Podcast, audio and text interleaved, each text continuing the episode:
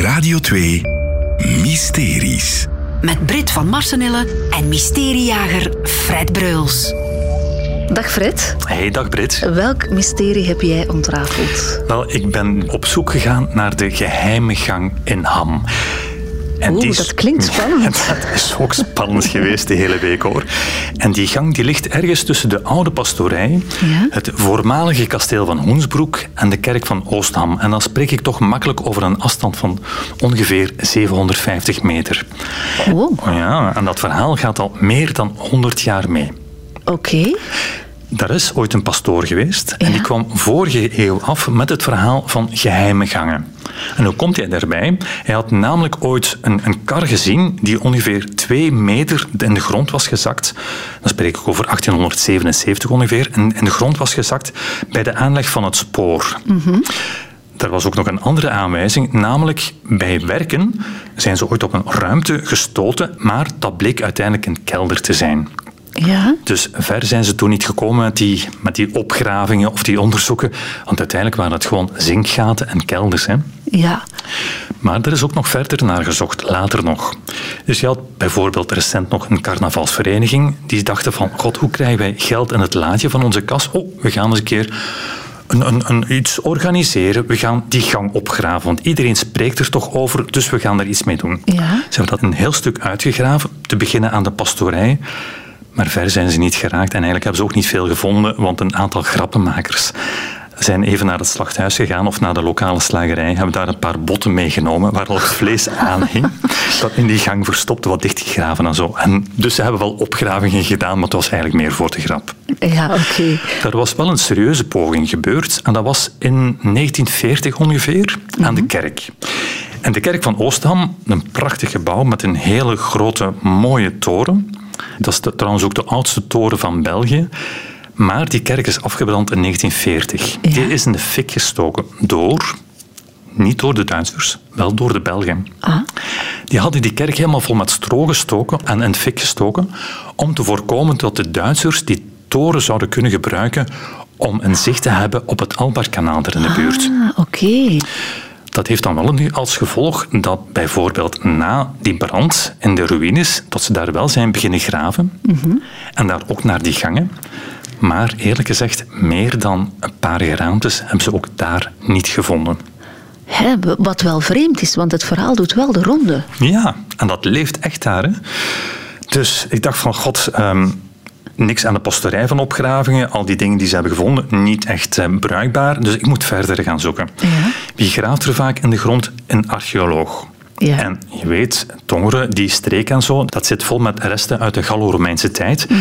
Dus ik ben daar een archeoloog gaan opzoeken die daar een opzoekingswerk aan het doen is op dit moment. Ze zeiden wel, die archeologen, die zeiden me wel... Uh, er zijn heel veel legendes in heel veel Limburgse gemeentes van geheime gangen. En meestal liepen die gangen tussen belangrijke gebouwen. Van abdij naar de kerk, van de kasteel naar de kerk, van de kerk naar ergens anders naartoe. En misschien ook wel een Oostham van de pastorij eigenlijk naar de kerk. Dus het zou wel kunnen, die legendes zijn er. Maar misschien is die kans toch wel heel erg klein, want ik ben er zelf nog nooit tegengekomen, zei ze tegen mij. Oké. Ja, dan sta je daar. Hè. Dan denk je van, ja, nu verder. Hoe ga ik dat in godsnaam doen?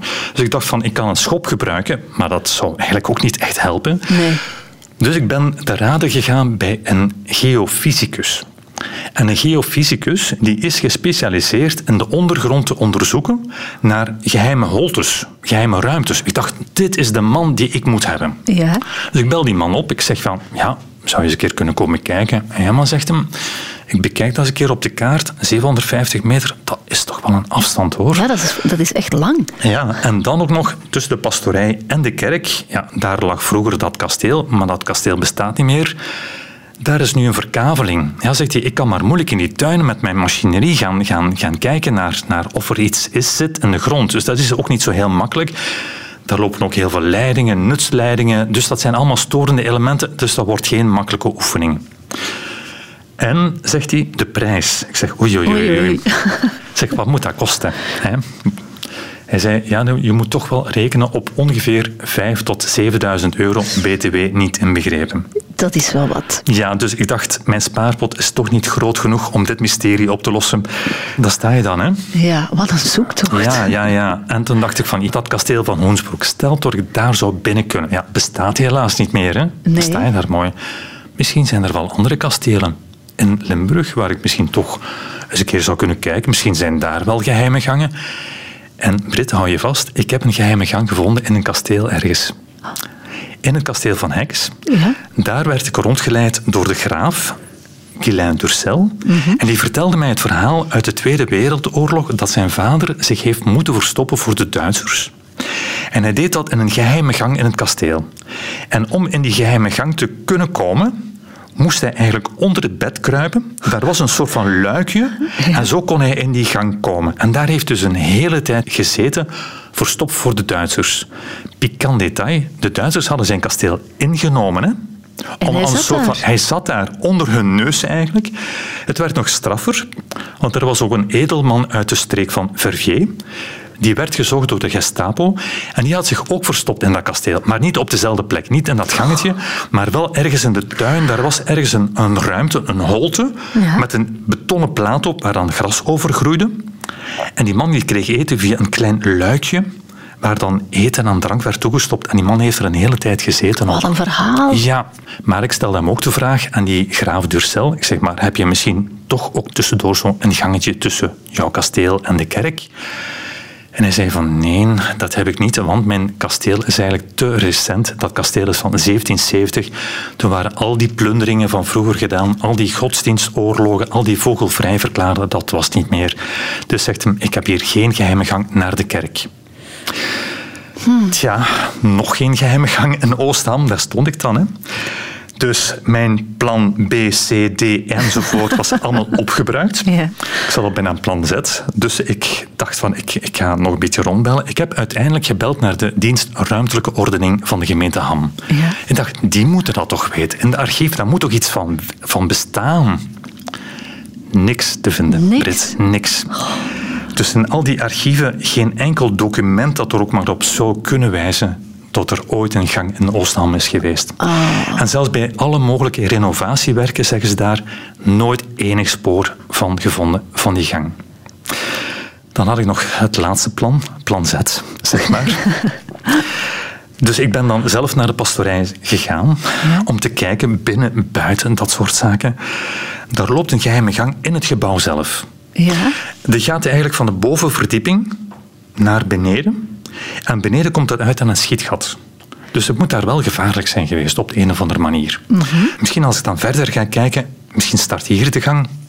Niks. Geen gang daar.